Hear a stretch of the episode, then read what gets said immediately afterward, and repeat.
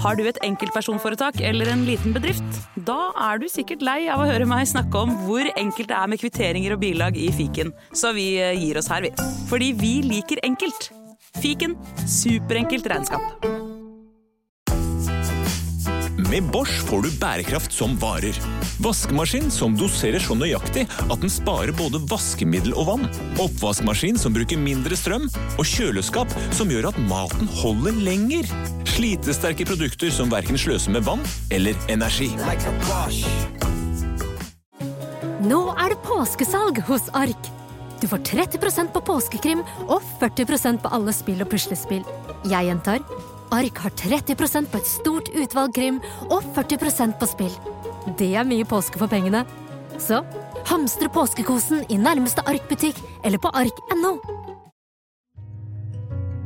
Hvis du setter pris på Avhørt og syns at den jobben vi gjør er viktig, så kan du støtte oss ved å vippse til 8075 99 eller søke opp Batong Media i vips appen og vi setter stor pris på alle bidrag, store og små.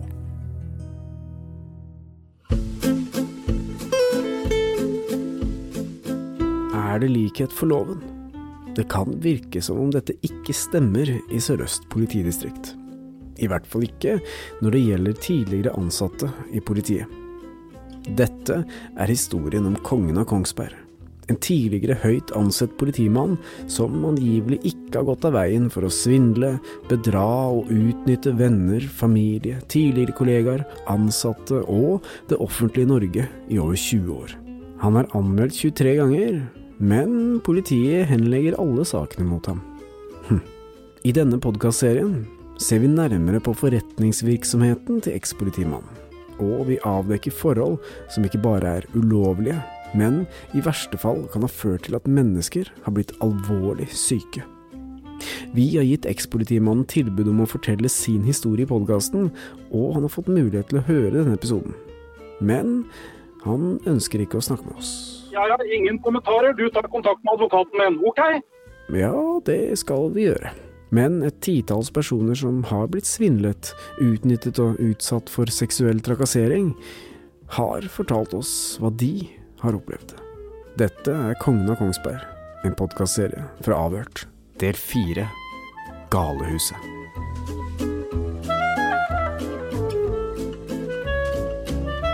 I forrige episode så begynte vi å gå dette helsehuset nærmere i sømmene, Helge. Og vi eh, avdekket jo da at det hadde foregått eh, seksuell trakassering av ansatte. Og vi hadde jo en sånn ganske interessant samtale med tidligere styreleder og nåværende styreleder som mente at den tidligere styrelederen var en oppegående fyr. Ja, og i episode to, den som handla om dette Sølvbergets sikkerhet, så hørte vi jo fra datteren til den ekspolitimannen som fortalte at hun hadde blitt ansatt i hans uh, brøyteselskap, og at uh, faren hadde da brukt hennes bankkonto for å utnytte denne ordninga med frikort, da, for å spare penger. Penga hadde gått i hans egen lomme, og datteren hadde ikke sett noen til de.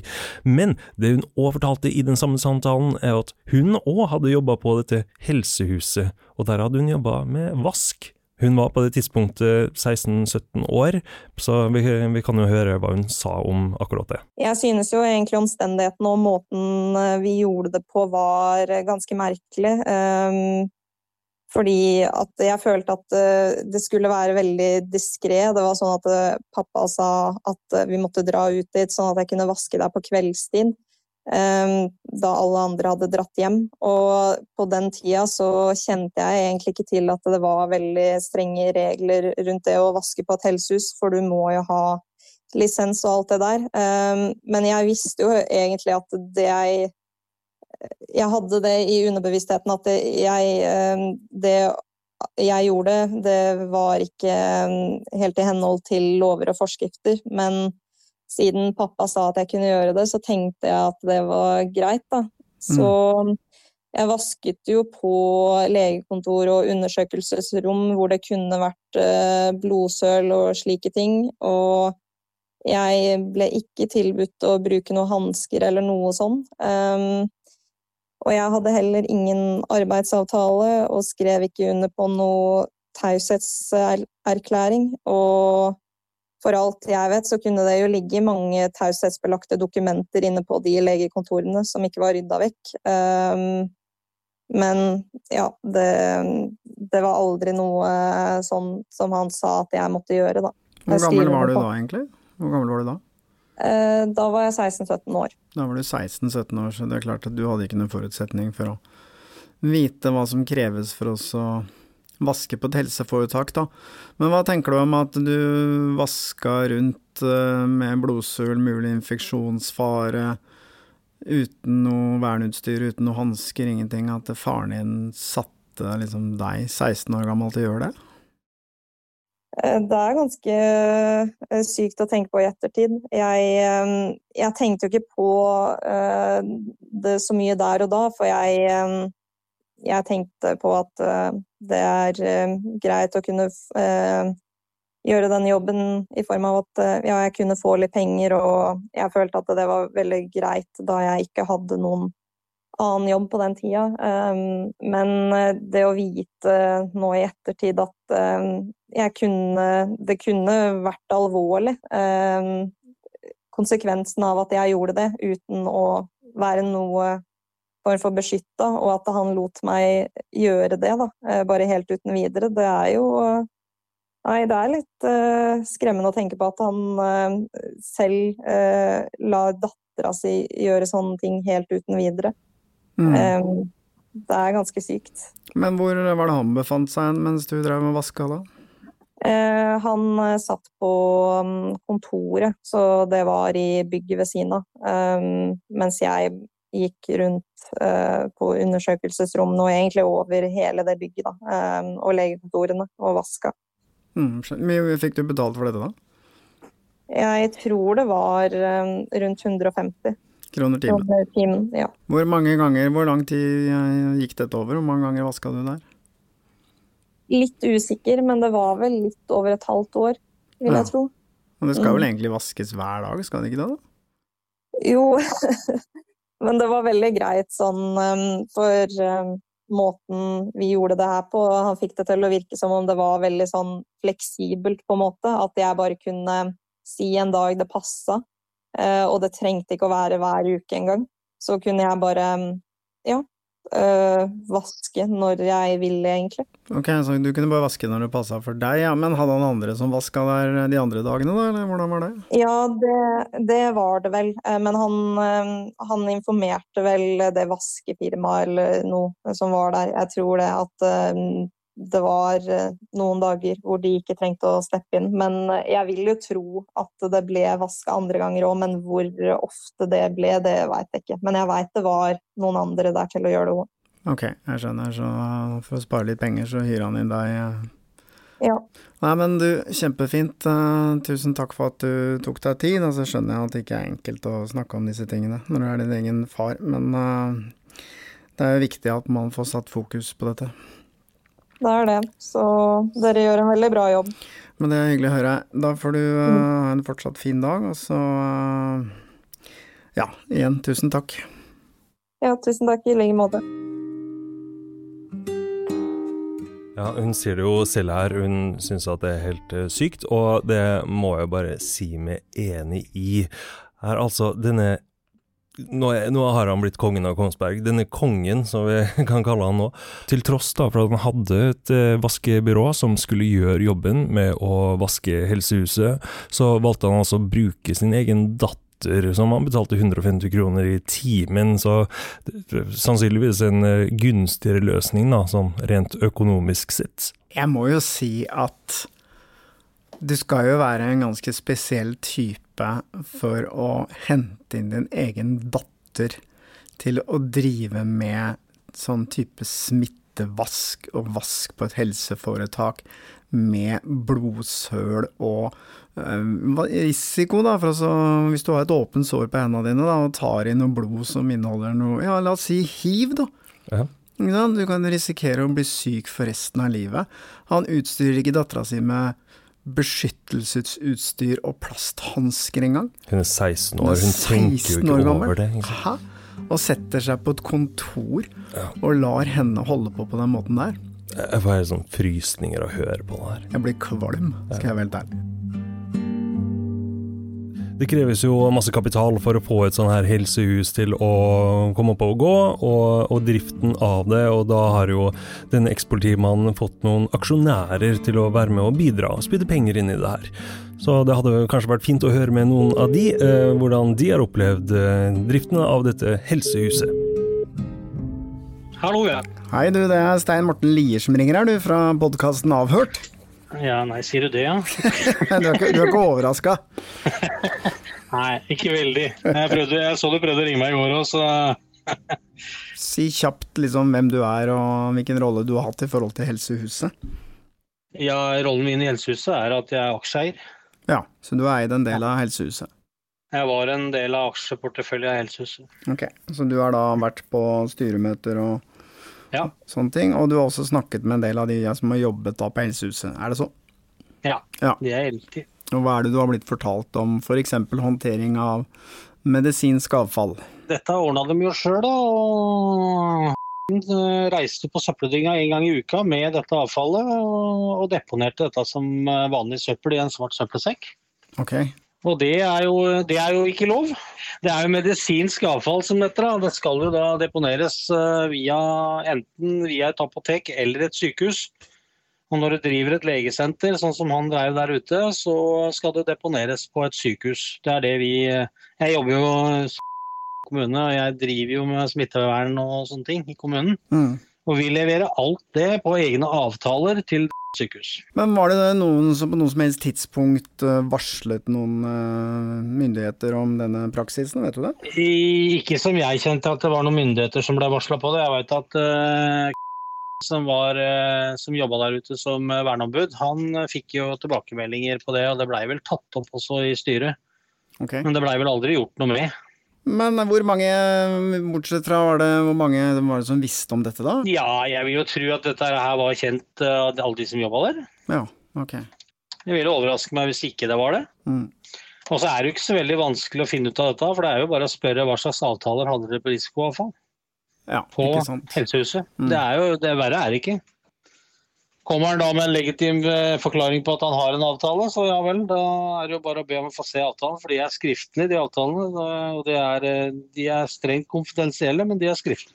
Mm, ok. Men er det andre kritikkverdige forhold ved helsehuset Ja, som du det var, jo, det var jo en del vask da, av arbeidstøy og sånn, som jeg fikk eh, høre at det blei vaska i nabogården.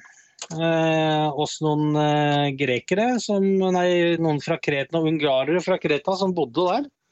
Og de drev også med vask inne på legesenteret, okay. blei jeg fortalt. ok. Men hvor eh, kom disse folka fra da? Kreta. Henta disse nede i Kreta, hele familien til han det gjelder. Stilles det krav til, eh, spesielle krav til vask av arbeidstøy og lokaler på et helsesenter? Et legesenter? det, det er det samme som det er i eh, pleie og omsorg. Så er det alt uh, vask av personaltøy skal foregå på et barrierevaskeri. Det betyr at uh, møkkete tøy inn i den ene enden og rent tøy ut den andre. Det er to forskjellige sepper. Det er et uh, vaskeri som er delt på midten, kan du si. Da. Så alt det reine kommer, nei, alt det møkkete kommer inn i den ene enden, og så kjøres det rent ut i motsatt ende, så ikke at de har kontakt med hverandre i det hele tatt. Ok, Men i dette tilfellet så var det bare vanlige vaskemaskiner i et nabobygg? Dette var en helt vanlig standard vaskemaskin i kjelleren på et eh, bygg som disse eh, fra Kreta Eller de, de var henta fra Kreta, men de er i utgangspunktet ungarere. Ok, jeg skjønner. Så han var jo der med kone og barn, og, og eh, ja, også han. da. Å ja, ok, så de bodde der, da? De bodde, de bodde i en gård, bodde i en, eh, i en utleiegård ved siden av på sida der, Ja, ja, Så du kan si at ok, så de bodde i en gård ved siden av der og hadde en vaskemaskin? ja, ja de, bodde, de, bodde i, de bodde i nabogården. og, og alt det alt de tinga ble vaska hos hjemme hos dem, da? Ja. Men eh, med, vask, var de også involvert i vask av selve legesenteret? De var også med på vask av selve legesenteret, ja. Ok. Stilles det noen spesielle krav til, eh, til det, eller? Ja, så, vidt jeg vet, så vidt jeg vet, så skal du ha noe som heter eh, det som heter smittevernvask, da, eller altså hygienevask, som det heter. Det, så vidt jeg vet, så er det et eget kurs Ja, du skal på mange måter ha en Du eh, skal, du, opplæring. skal jo være, du skal være opplært i hvordan man skal uh, behandle seg inne på et legesenter. Mm, okay. Men du kjenner jo ganske godt du da, i og med at du har eh, vært medaksjonær. Kan du vel si. Hva, Jeg jobba, for den i mange år, jeg, så ja, hva kan du fortelle oss, eh, hva slags type er han? Narsissist. Ok. Du har sett Carl Co. Ja, ja, ja. Ja. Mm. Eh, den eksplosive utladinga som eh, Carl har der, det kan vel rett settes i sammenheng med sånn. For de, de kan du sette i samme boss. Så en litt eksplosiv type. Ja, der han står og hopper og skriker, eh, Carl, så har du vel eh, tro kopi av for å si det sånn, når det, når, det- når det går imot. Men hvordan påvirket denne oppførselen hans uh, deg som arbeidstaker, eventuelt andre som jobba for meg, altså han, eh, han seg, han prøvde seg ikke på meg, han prøvde seg på meg én gang, og det var i 2014, og da sa jeg opp. Okay. Og etter det så har ikke vi hatt noe kontakt annet enn via Helsehuset, for å si det sånn. Kan du eh, minnes at uh, dette temaet seksuell trakassering fra sin side var et tema?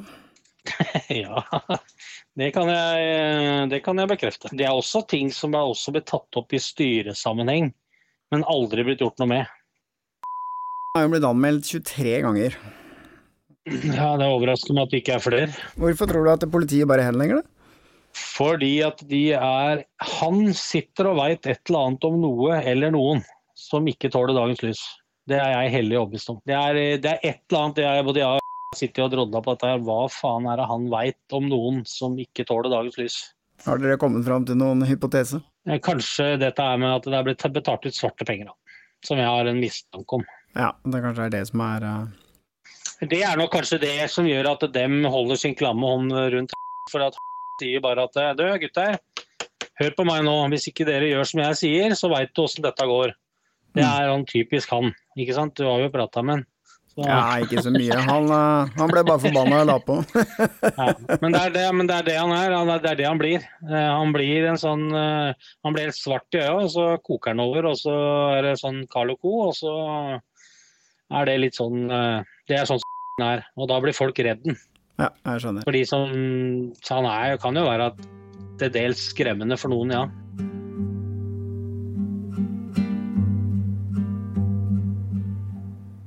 Altså, det stopper liksom ikke med kritikkverdige forhold på dette helsehuset i Kongsberg. Nå har vi hørt om eh, medisinsk avfall som blir dumpa på den lokale søppelfyllinga. Det, Det er jo ganske alvorlig, for det, det skal jo spesialbehandles. Vi snakker blod, vi snakker sprøytespisser, Ja. infeksjonsfare og alt mulig. Så er det bare rett oppi noen svarte søppelsekker. Men, men det er litt gøy, da. Det er jo litt sånn som uh, mafiaen i Italia holder på å tjene store penger på, nemlig å håndtere søpla, og så bare dumper ut på bygda et eller annet sted.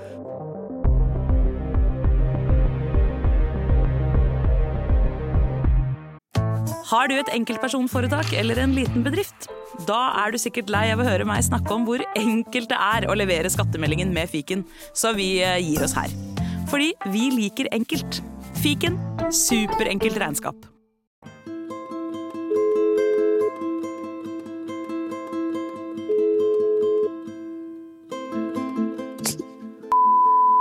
Hei du, dette er Stein Morten eh, Lier som ringer, du. Ja, Du, jeg bare lurer på en ting. Har du jobbet som eh, radiolog opp mot helsehuset på Kongsberg? ja, jeg var med å etablere helsehuset på Kongsberg. har jo kommet fram en del eh, ja, forhold som eh, både er ulovlige og kritikkverdige, så jeg bare lurte på om eh, hva var din oppfatning av helsehuset da du var med og etablerte det? Ja, jeg var med og etablerte det, men jeg, jeg så meg tvunget til å slutte bare få uker eh, innen vi hadde startet opp virksomhet der. Men Hva var årsaken til det? Det var eh, rett og slett eh, fordi i, et sånt, i en sånn røntgenbedrift så må man ha en, en faglig ansvarlig overlege. Og jeg ønsket ikke å ha det ansvaret. Fordi jeg egentlig var sykemeldt og, delvis pensjonert flere år tidligere pga. sykdom. Sånn at jeg sa, sa til disse karene da de ansatte meg at uh, det er greit nok, jeg skal gjerne hjelpe dere med å lage røntgeninstitutt. Og jeg skal gjerne drive røntgeninstituttet for dere, som, altså som en daglig leder. Men jeg ønsker ikke å ta på meg det daglige medisinske ansvaret. Så dere er nødt til å eh, ansette en, en radiolog. Vi hadde man, mange innom, men det var ikke alle som hadde så veldig stor tro på oss. Og vi hadde, på et tidspunkt så hadde vi ansatt én, men han, eh, han, i siste liten så, så takket han nei. Så at da vi skulle starte opp dette her, så hadde vi ikke radiolog. Og da var jeg puttet under et nokså intenst press, spesielt da fra om at jeg måtte ta dette her, sånn at vi kunne komme i gang og, og, og med virksomhet og begynne, begynne, å få penger inn i kassen, og ikke bare Og da slutter jeg på dagen. Men, men øh, denne dagen, hva kan du si om han, da? Hva slags øh, person er han? Han er jo en, en, en Ja, du kan vel ikke kalle han noe annet enn en, eller en sleiping. Han var veldig opptatt av penger, veldig opptatt av, av utgifter. Han var lykkelig da vi hadde julebord f.eks. på Grand hotell i Gangsberg. Og, og, det viste seg at ribba vi fikk servert, den var, den var drittdårlig. Sånn at uh, vi, vi, slapp å betale for det julebordet. Da, det, det, var, det var en sånn ting som han som han, han syntes det var mye morsommere at vi slapp å betale enn at vi hadde fått dårlig mat, f.eks. Jeg skjønner. Han var jo da til stede i helsehuset som, som en av eierne da jeg forlot dette, og siden har ikke jeg sett men jeg har vært tilbake der én gang, for den, den, andre av eierne han ville gjerne ha meg tilbake igjen som daglig leder. Men da var jeg såpass fed opp av, av, hele den konstellasjonen at, at det takket jeg nøye til.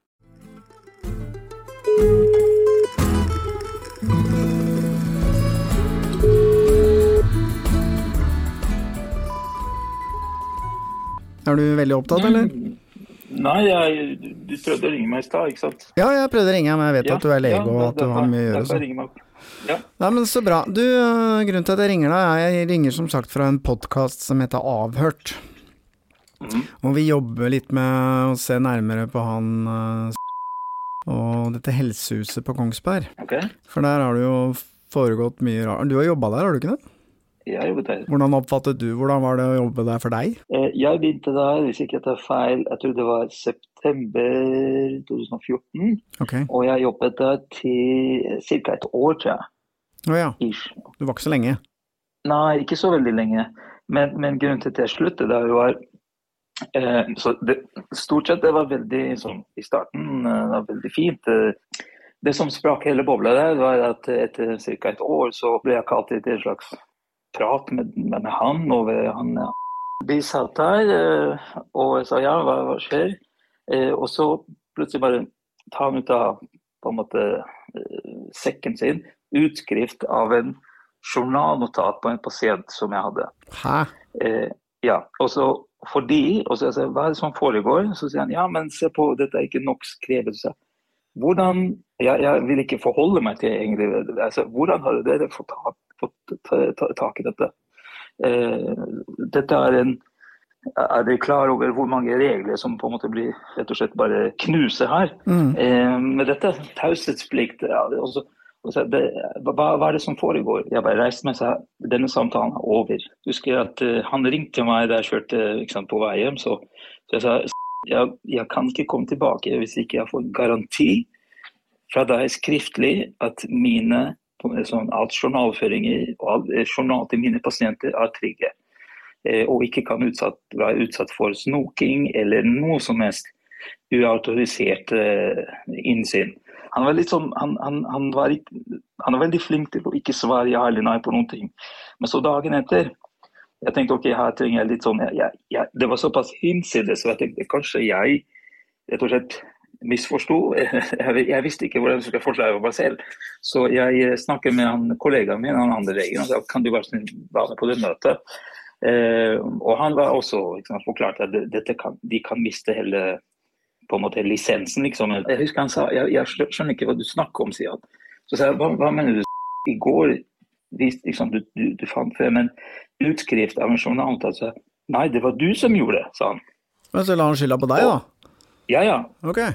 Da, da sa jeg, du, du er en voksen mann, liksom. Hallo, liksom. Det, kan vi, vi har prøvd å hjelpe deg. La oss, la oss finne en løsning. Hva er det du holder med? Men han bare holdt på. Og da, da tenkte jeg OK, men da, da, takker jeg for meg. Jeg bare, jeg bare slutter da på flekken. Okay. Eh, så dro jeg, for jeg, jeg tenkte dette er, eh, dette er en galehus. altså Jeg kan ikke, kan ikke holde på med sånn. Men de, de viste meg den ene notatet som de mener var altfor knapt med innhold. Det betyr at de har sikkert lest ganske systematisk sikkert da, hele sant, en rekke av mine sant, journalføringer for å fiske ut den som de syns var utilstrekkelig. Og det betyr at for å kunne logge inn i systemet, så må ha tilgang, så det betyr at noen av de andre måtte ha hjulpet dem til det. Jeg, jeg fikk vite i ettertid at det var hun som, som hadde ansvar for regnskapet, som, som, hadde også tilgang på en annen grunn til journalsystemet. Hun er heller ikke, ikke noe helsepersonell.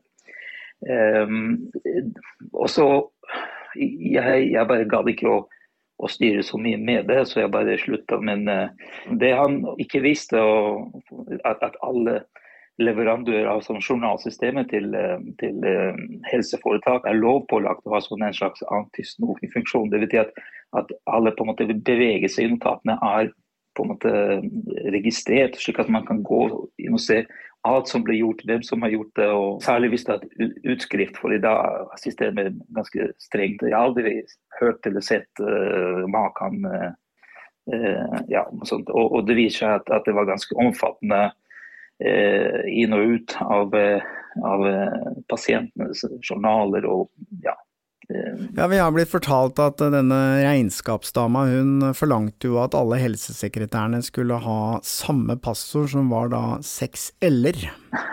ok. Mm. Hva tenker du om det? Dette er ikke sant, brudd på sant, det mest vesentlige tillit pasientene har til en klinikk eller en behandler. Så det, det, det, er helt crazy. Men ja, Det tok litt tid før jeg skjønte det, men, men, men parallelt til det så hadde de også han har hatt flere ting, ikke sant, som brøyting og grave, jeg vet ikke. Og, Sikkerhetsselskap? Ja, sikkerhet, ikke sant. Mm. Også brannsikkerhet og, og, greier. Og, og, ja. Det var en av deres ansatte som eh, han fikk time hos meg, fikk jeg der. Eh, så fikk jeg en sykemelding. Og så kom han rett etter at, han, at han, duden gikk ut, så kom han til meg og sier at han på en måte han, ikke, han var uenig med sykemelding. Så sa jeg ok, men nå, nå, må vi stoppe litt, fordi, fordi du kan ikke blande har, Nå sitter du her som arbeidsgiver hos meg som er sykemelder. Dette, dette er en på en måte interessekrasj.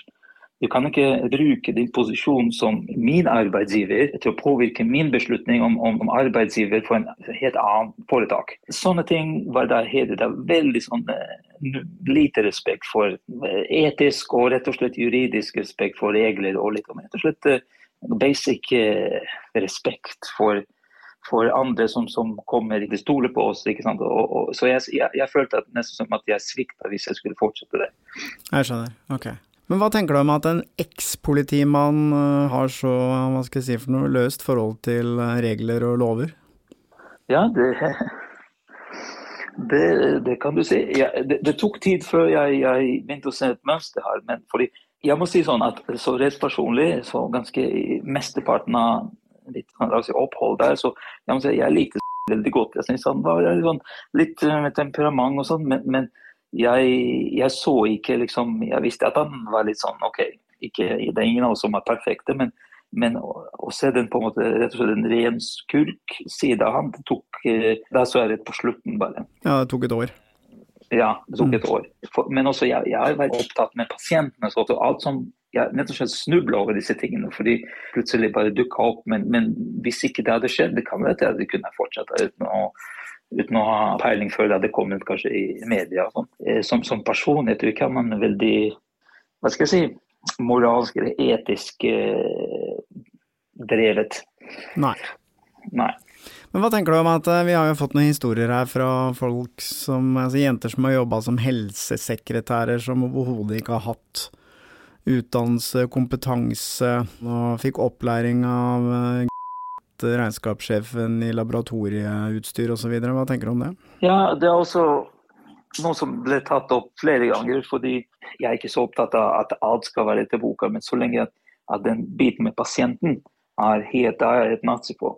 Og, og, vi fikk også en annen tilleggsfunksjon som jeg hadde som, eh, som regional eh, som vaksinasjonskontor. Ja. Um, og, og, det var ganske mye å drive med. Og så fant jeg at, at vi hadde faktisk eh, Det var før jeg begynte, men det viste seg at, at eh, det en periode så det har blitt gitt vaksiner som har gått ut på dato. Gitt vaksiner som hadde gått ut på dato? Yes. Du kan ikke vaksine uten å ha en, en registrert som ansvarlig lege, og det hadde de ikke. Det var hun ene sekretæren som bare kjørte på. Eh, og så Det gikk heldigvis greit, det var en flaks. Men så oppdaget jeg det som en kjempeavvik. Jeg husker han jeg satt og leste avis og fortalte om et eller annet som han leser. Og så sa folkens, vi har gitt en vaksine som har gått ut på dato. Og han bare fortsatte å lese samme artikkel. Så, han var ikke interessert? Ikke interessert. Ikke, for, jeg tror ikke de skjønner Men samtidig, jeg vet ikke, det er vanskelig å ikke skjønne selv om man ikke er utdannet. At man gir en vaksine. Ille nok å spise vet ikke, en brødskive som har gått ut på dato, så, så, så en vaksine som går ut på dato. Men, men og det er bare de tingene jeg, jeg oppdaga eh, helt tilfeldig. Så jeg ville tro at, eh, at hele stedet der var drevet på en eh, fullstendig uforsvarlig måte. Jeg må si det er et mirakel som ingen har fått eh, varige konsekvenser helsemessig. Nei, Jeg vil jo tenke at når du setter ukvalifisert personell til å sette vaksiner som har gått ut på dato, så er jo det ganske drøyt, er det ikke det? Det er veldig drøyt, ja. For, for, eh, og det, det, minste La oss si ok, det er ikke noen bivirkninger og reaksjoner, men, men, la oss si disse folk som, kjørte, eh, som reiste til oss si, Afrika, og de tror at de er vaksinert, men det kan hende at vaksinen som de har nettopp fått, virker ikke noe særlig lenger. Så egentlig det er ikke dekket. Så de er utsatt for ganske alvorlig sykdom. Så dette er total eh, Alt hele, hele greia går i oppløsning. Den samtalen her, det er jo nesten ikke til å tro. Nå snakker vi altså med en som jobba som lege ved dette helsehuset, til ekspolitimannen i et år. Og det han fortalte derfra, det er jo Det er jo hårreisende. Også det som er Altså, vi visste jo en del fra før av, vi ville bare få bekreftet disse tingene. Men han kom jo med helt nye opplysninger òg. Han sier at uh, dette helsehuset med den ekspolitimannen har drevet og satt masse vaksiner som har gått ut på dato, og at det er u, altså, ukvalifisert personell som har gjort det. Og som han sier, folk blir vaksinert i god tro, da. Og så skal du liksom reise et eller annet sted og, og tenker at du er eh, dekka godt av vaksinen, så er det ikke sikkert at vaksinen virker engang. Mm. Og ut fra denne legens kunnskaper, så har ikke det fått nødvendigvis noen konsekvenser som man vet om, da, men det kan man jo ikke vite 100 sikkert. Om noen har blitt alvorlig syk, kanskje noen har dødd pga. at de har fått en vaksine som kanskje ikke har fungert. Nei, altså det er jo ikke sikkert at man klarer å spore det tilbake. La oss si at du har tatt denne vaksinen, og så har du dratt på tur, og så har du blitt syk, og så har du kanskje havna på sykehus, og så er det vel ingen som har tenkt mm. å linke de tingene sammen. Nei. Altså det er jo Ja. Den fyren der burde jo uh, sitte i fengsel, spør du meg. Han hadde jo slutta på dagen, denne legen, etter at uh, han hadde blitt konfrontert med en av sine egne journaler til en av sine pasienter, som da denne eksportimannen plutselig satt med. Den hadde han fått tilgang på.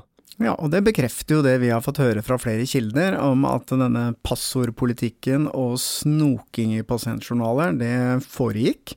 Og han forteller jo det at da han ble konfrontert med sine egne journaler på pasienter, så var han ferdig der. Og det verste er jo at da han kommer i møte for å snakke om disse, så sier ekspolitimannen at nei, det var ikke han som hadde tatt ut, det var du som hadde tatt ut, herr lege. Han la liksom skylda over på legen. Ekspolitimannen han hadde jo ikke bare dette helsehuset som han drifta, han hadde òg et selskap som drev med brøyting, og dette sikkerhetsselskapet som vi har hørt om. Og det denne legen fortalte, var jo at en av ekspolitimannens ansatte hadde kommet til han fordi han var syk og fått en sykemelding. Og da hadde han kommet til denne legen og sagt det er uenig, han skal ikke sykemeldes. Fått det er sykt. kritikk fra sykemelding. Ja, vet du hva, dette her er eh, Det er litt av en historie. Nei, det er jo Altså, jeg, jeg blir faktisk helt rysta, for jeg trodde virkelig ikke sånne ting foregikk i Norge, altså. At et helsehus med avtaler med det offentlige kan holde på på denne måten her uten at det får noen konsekvenser? Jo, altså, det fikk jo konsekvenser, for det var flere som var enig i akkurat det du sier nå, og det var disse legene, gynekologene, psykologene som jobba på helsehuset. Vi har vært i kontakt med mange flere enn denne ene legen vi hørte fra i denne episoden, som sa at de valgte å gå på dagen. Og til slutt så var det så mange av disse her høyt utdannede fagfolkene som ikke ønska å samarbeide med ekspolitimannen, så det var ikke noe grunnlag lenger for å drive dette helsehuset i Kongsberg. Men den politimannen, han ga ikke opp på grunn av det, for den dag i dag så driftes det fremdeles et røntgeninstitutt både i Kongsberg og i Sandefjord av de samme eierne. Det er denne ekspolitimannen denne styrelederen som har blitt blanda inn i noe han ikke hadde kontroll på, og disse her, han som blant annet var passivt eh, styremedlem. Det er disse gutta, da, et er som, eh, som drifter da, dette røntgeninstituttet. Ja, men jeg sier konsekvenser, én ting er jo at de da ikke driver legetjeneste og sånn videre, at det kun er røntgen, men at de ikke har blitt straffeforfulgt for disse tingene, at politiet har henlagt alt, at ikke offentlig tilsyn har gått inn der og eh, hva skal jeg si, lagt ned hele virksomheten, det syns jeg er ganske sjokkerende. Jeg tror at hvis jeg selv hadde vært en bruker da, av helsehuset i Kongsberg på et eller annet tidspunkt, i løpet av de her nå siste ti årene som de har uh, holdt det gående der, og f.eks. vært og, og, fått eh, undersøkelse, fått vaksiner, eh, hva som helst. Eller om jeg hadde mistenkt at noen hadde vært inne og snoka i min journal, så tror jeg jeg hadde sendt en liten henvendelse til eh, kommuneoverlegen. Det bør du gjøre gjennom din fastlege. Så kan du f.eks. få utlevert informasjon om hvem som har vært inne i din journal, og eh, eventuelt snoka, da. Jeg vil understreke at eh, de legene f.eks. som vi har snakket med, framstår som seriøse, og de har jo vist sin seriøsitet i den forstand at de har slutta og ikke ønsket å forholde seg til dette, men dette systemet rundt helsehuset der, og hvordan ting har fungert i forhold til behandling av eh, sensitive opplysninger, vaksiner utgått på dato, vask osv., osv., så, videre, så tenker jeg jo at uh, hadde jeg vært uh, pasient og vært innom dette helsehuset, så ville jeg nok kanskje ha rettet en henvendelse til ja, eksempel kommuneoverlegen og uttrykt min bekymring over hva som har foregått der. I neste episode av Kongen av Kongsberg. Og eh, også hvorfor man konverterer gjeld til aksjer. For det, jo, det blir jo det blir utvanning av aksjonærene. Det er jo ikke som du sier, det er jo ikke så enkelt som å si at det var bare å å hoste opp de pengene inn i selskapet. Da hadde det ikke vært noe selskap her. Makta rår, det er ikke gøy å si, men det er jo sånn at de som sitter med majoriteten i ting, de må jo, de bestemmer jo, da. Det er bare de største aksjonærene som sitter i styret. Vi småaksjonærene vi eh, har mistanke til en, en, del ting. Det er jo derfor vi står der vi står. Du har ikke kompetanse for å sitte som styreleder. Du har kompetanse som snekker, og du er en kjempefin kar, og du investerer, men det er ikke sånn at du og vi skal klippe kort på styret, dette her. I den suppa vi sitter så kanskje vi må ordne opp i suppa òg, da. Jeg må bare få det ut. Det er, dette er trist. Kjempetrist. Hele omdømmet til selskapet jeg står på spill. Vi har vært i kontakt med ekspolitimannens advokat, som har fått mulighet til å høre hele denne episoden, men han har valgt å ikke komme med noe tilsvar. Avhørt er produsert av Batong Media. Redaksjonen vår består av Stein Morten Lier, Helge Molvær og Lars Christian Nygårdstrand. For å komme i kontakt med oss og se eksklusivt innhold, følg oss på Facebook og Instagram.